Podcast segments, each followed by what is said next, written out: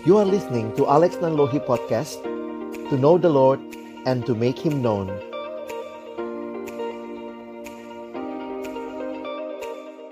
Mari kita berdoa sebelum kita membaca merenungkan firman-Nya.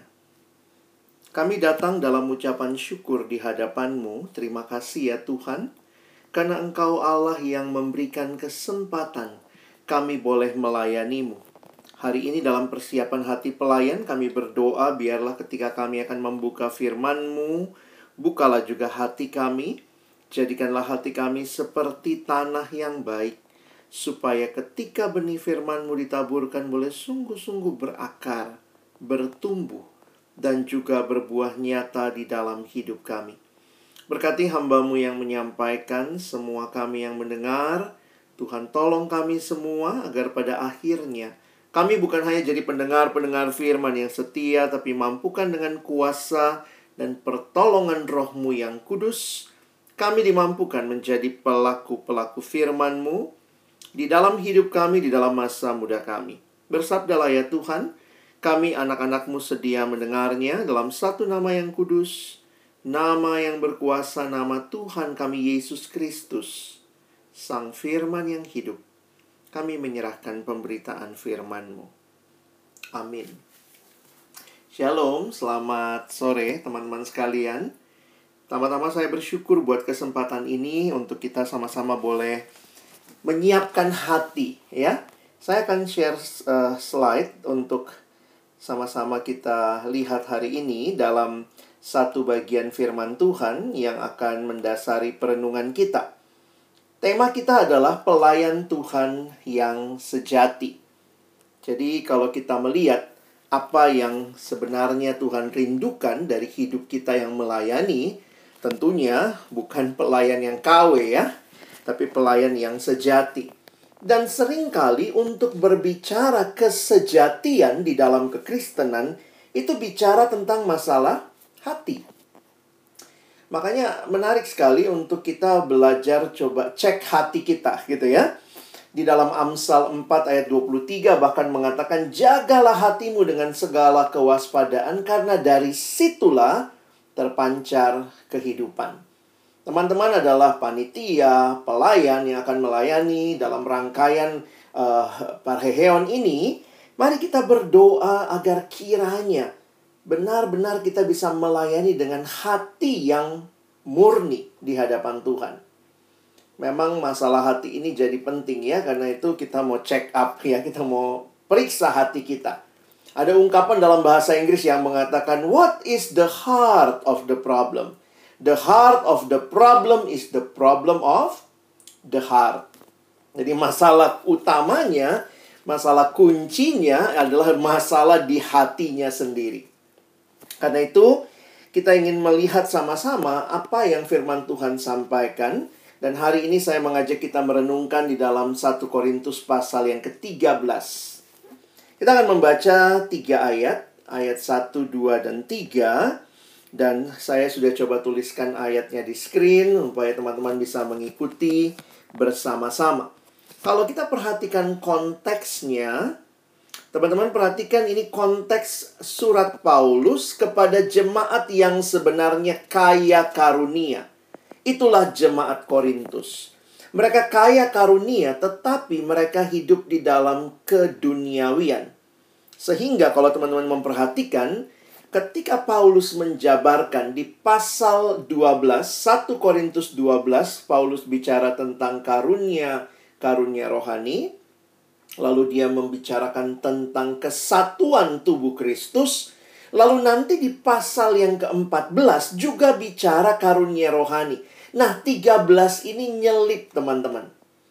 Pernah makan sandwich? Kalau kalian tahu, sandwich itu atasnya roti, bawahnya roti, dagingnya di tengah.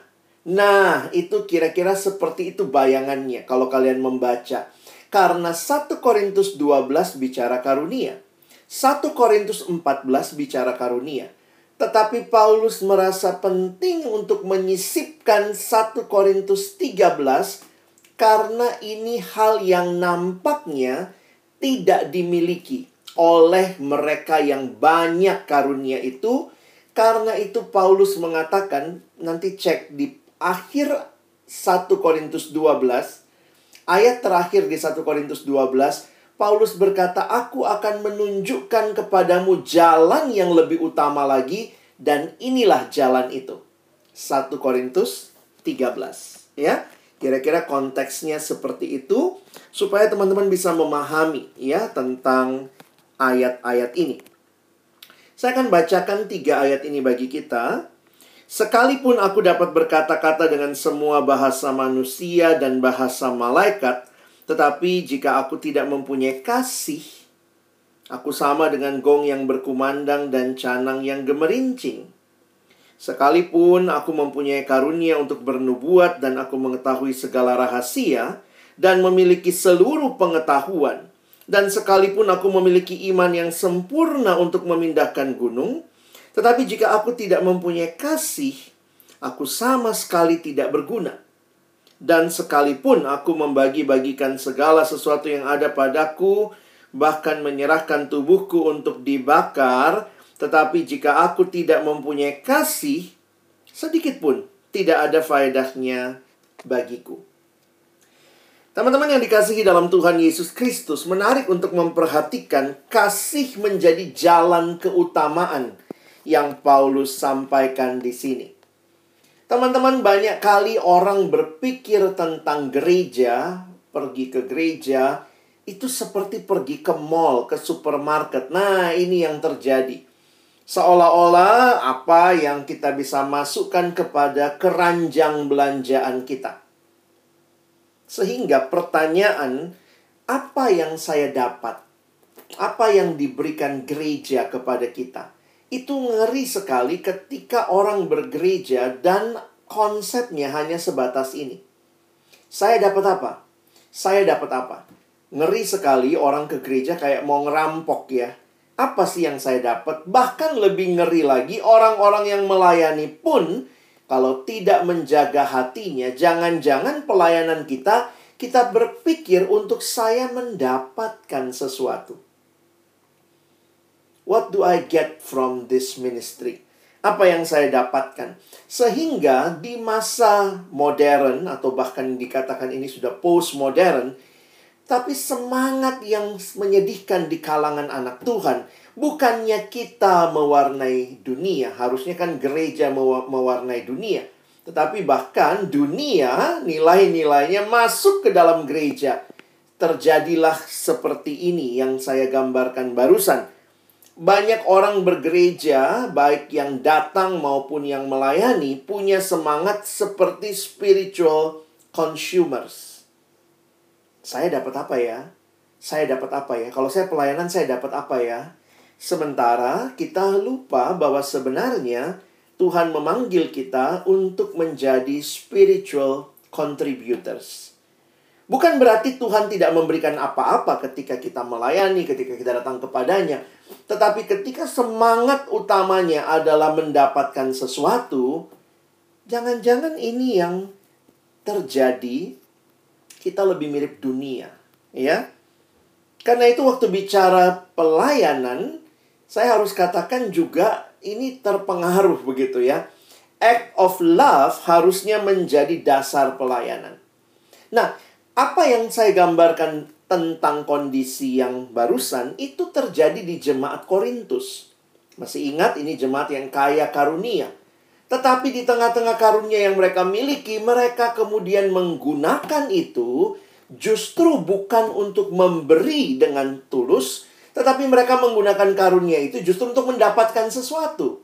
Nah ini sedihnya ya. Karena itu Paulus sampai harus bicara di 1 Korintus 12 tentang kesatuan. Karena bayangkan karunia yang banyak, berulang kali Paulus katakan karunia untuk membangun tubuh Kristus. Tujuannya Tuhan kasih karunia supaya tubuh Kristus dibangun. Tetapi setiap orang sibuk dengan karunianya, bahkan lebih jauh lagi dia berpikir karunianya yang paling utama, bahkan lebih jauh lagi ada yang sampai merasa saya tidak butuh karuniamu karena sayalah segala-galanya. Karena itu di tengah-tengah pembahasan tentang karunia, maka Paulus merasa penting untuk memberikan jalan yang lebih utama lagi, yaitu apa? Kasih. Wah, ini menarik sebenarnya ya. Bahwa kasih itu menjadi ciri khas kekristenan, bukan hanya hidup beriman kita, tetapi juga harusnya hidup pelayanan kita. Mari kita perhatikan tiga ayat ini perlahan-lahan.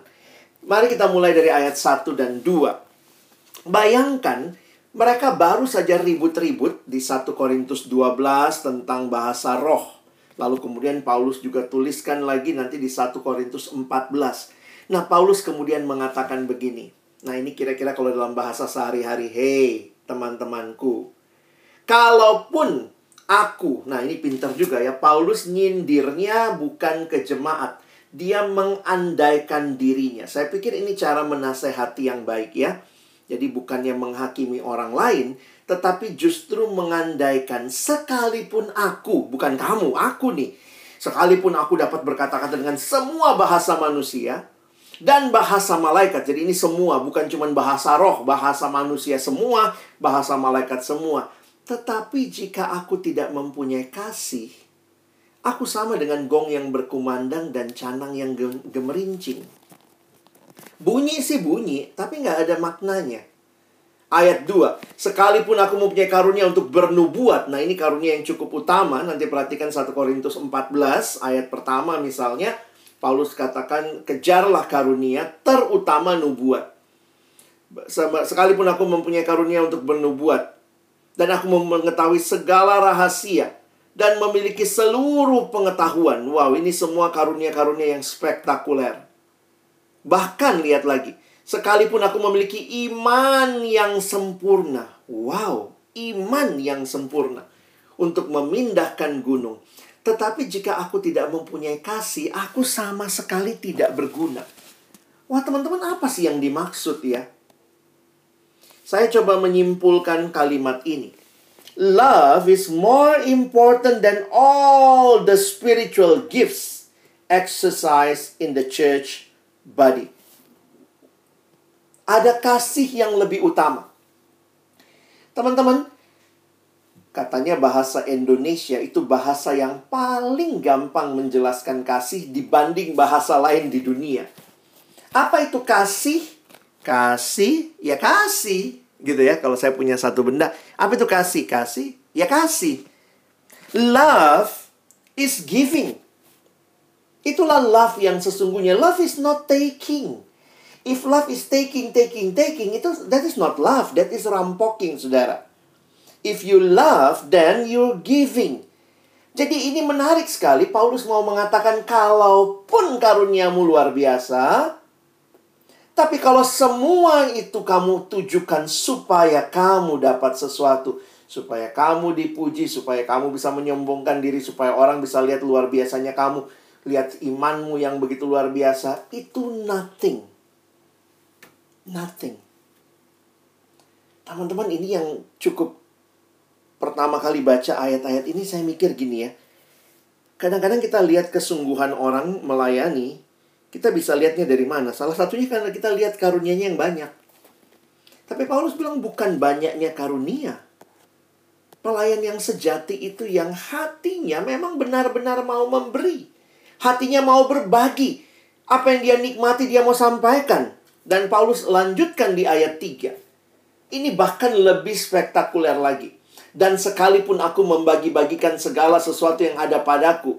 Ini ya luar biasa. Dia bagi semua yang ada padanya. Bahkan menyerahkan tubuhku untuk dibakar. Ini pelayanan paling TOP BGT ya. Top banget kalau sampai ngasih tubuh untuk dibakar. Tapi kata Paulus, kalau tidak punya kasih, nggak ada faedahnya. Ternyata dalam pelayanan banyak loh orang mau berkorban. Tujuannya apa? Supaya dipuji, lihat itu. Lalu kemudian biasanya bahasa-bahasa yang tanpa sadar dimiliki. Kalaupun nggak keluar di mulut, pasti muncul di hati. Coba kalau nggak ada saya, nggak jalan acara ini. Maka puji diri. Haleluya. Terpujilah saya. Teman-teman gampang banget.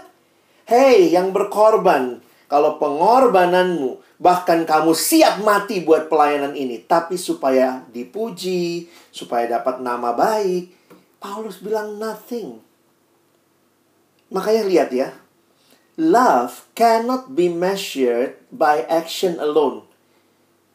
But also by motivation. Saya tidak berkata tidak butuh action. Oh kalau gitu kata Bang Alex hari ini nggak usah lah kita sungguh-sungguh pelayanan. Yang penting kan motivasinya kasih. Kasih yang sejati akan mendorong kamu memberi yang terbaik. Tapi jangan dibalik. Jangan berpikir dengan memberikan yang the best itu sudah pasti hatinya hati yang punya motivasi yang murni belum tentu. Makanya di sini saya ingatkan kembali buat kita, ya bukan saya lah ya firman Tuhan. Tapi saya mengimani dan mengamini dan ini juga yang saya terus doakan buat diri saya. Semakin lama saya di pelayanan, apakah saya makin merasa berjasa bagi pelayanan ini? Semakin luar biasa tindakan kasih saya, tindakan pelayanan saya Kiranya itu lahir memang dari kasih yang luar biasa, bukan sekadar upaya meninggikan diri. Sehingga lihat satu kesimpulan saya ambil dari eh, kalimat berbahasa Inggris, great faith. Jadi iman yang besar tadi ya, act of dedication, sebuah pengorbanan yang luar biasa atau sacrifice and miracle working power produce very little without love. Nggak ada gunanya teman-teman. Tanpa kasih. Waktu saya renungkan hal ini, saya pikir, wow Tuhan ini yang sebenarnya jadi kunci pelayanan yang sejati. Love makes our actions and gifts useful. Jangan berpikir kalau ada love juga nggak butuh action, nggak butuh gifts. No. Tetapi hanya dengan kasih, maka actions and gifts useful. Although people have different gifts, love is able to everyone.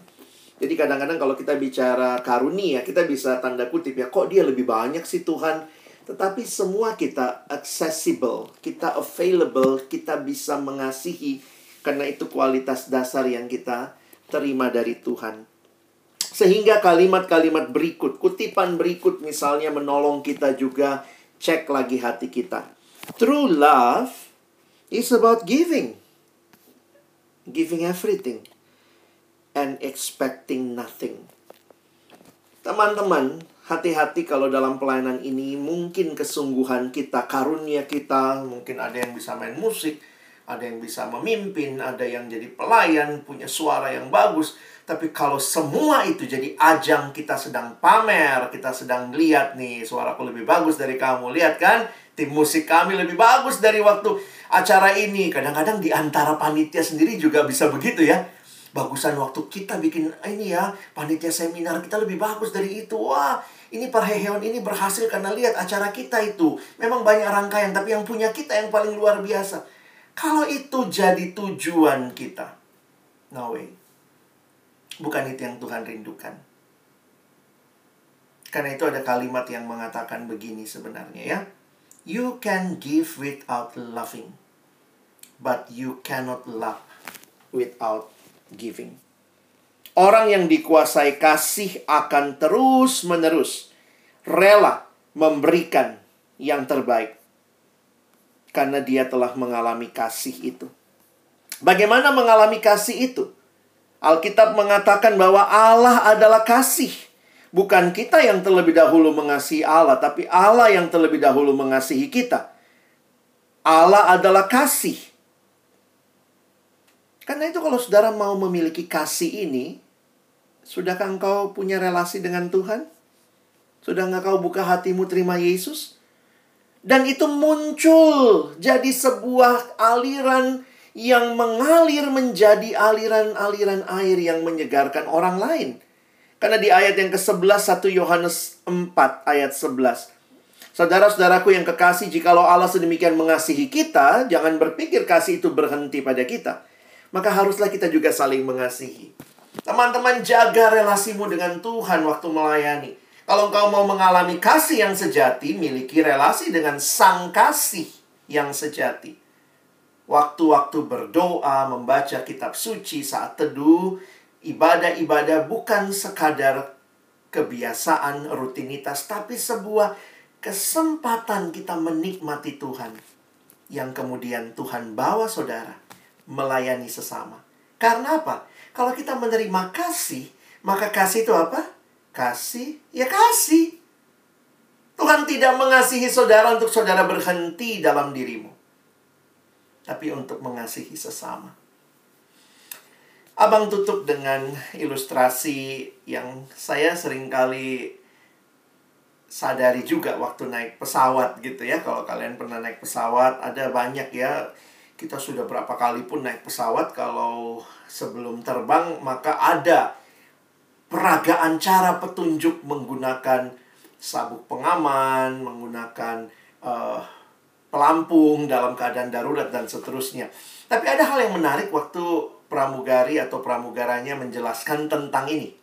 Masker oksigen. Wah. Jadi dikatakan uh, jika tekanan udara di dalam kabin menurun, maka masker oksigen seperti ini akan keluar dari panel di atas Anda. Tarik masker ke arah Anda, kalungkan di kepala, menutupi mulut dan hidung, sesuaikan talinya begitu ya dan bernafaslah seperti biasa. Tapi kalimat berikutnya bagi saya menarik. Dikatakan bagi Anda yang bepergian dengan anak-anak, pertama-tama pakailah masker Anda lebih dulu sebelum Anda menolong anak Anda. Teman-teman, saya makin menghayati kalau pelayanan kita tidak lahir dari hidup yang dikuasai oleh kasih Kristus kita mau bagi apa sama sesama ya. Tapi ketika engkau telah mengalami kasih yang luar biasa, engkau tidak akan berhenti pada dirimu. Tapi engkau juga akan membagikan kepada sesama. Hari ini Tuhan menantang kita untuk memeriksa hati kita kembali. Sudahkah kita jadi pelayan yang sejati? bukan karena apa yang kita lakukan luar biasa. Tuhan rindu semua hal yang luar biasa yang akan saudara lakukan, pengorbanan yang saudara berikan di dalam kepanitiaan ini. Itu dilandasi oleh kasih. Karena itu, ketika Tuhan meninggalkan Petrus dalam pelayanan, bagi saya menarik ya, Tuhan Yesus tidak tanya, Petrus kamu bisa MC nggak? Petrus, kamu nanti bisa pimpin pujian nggak?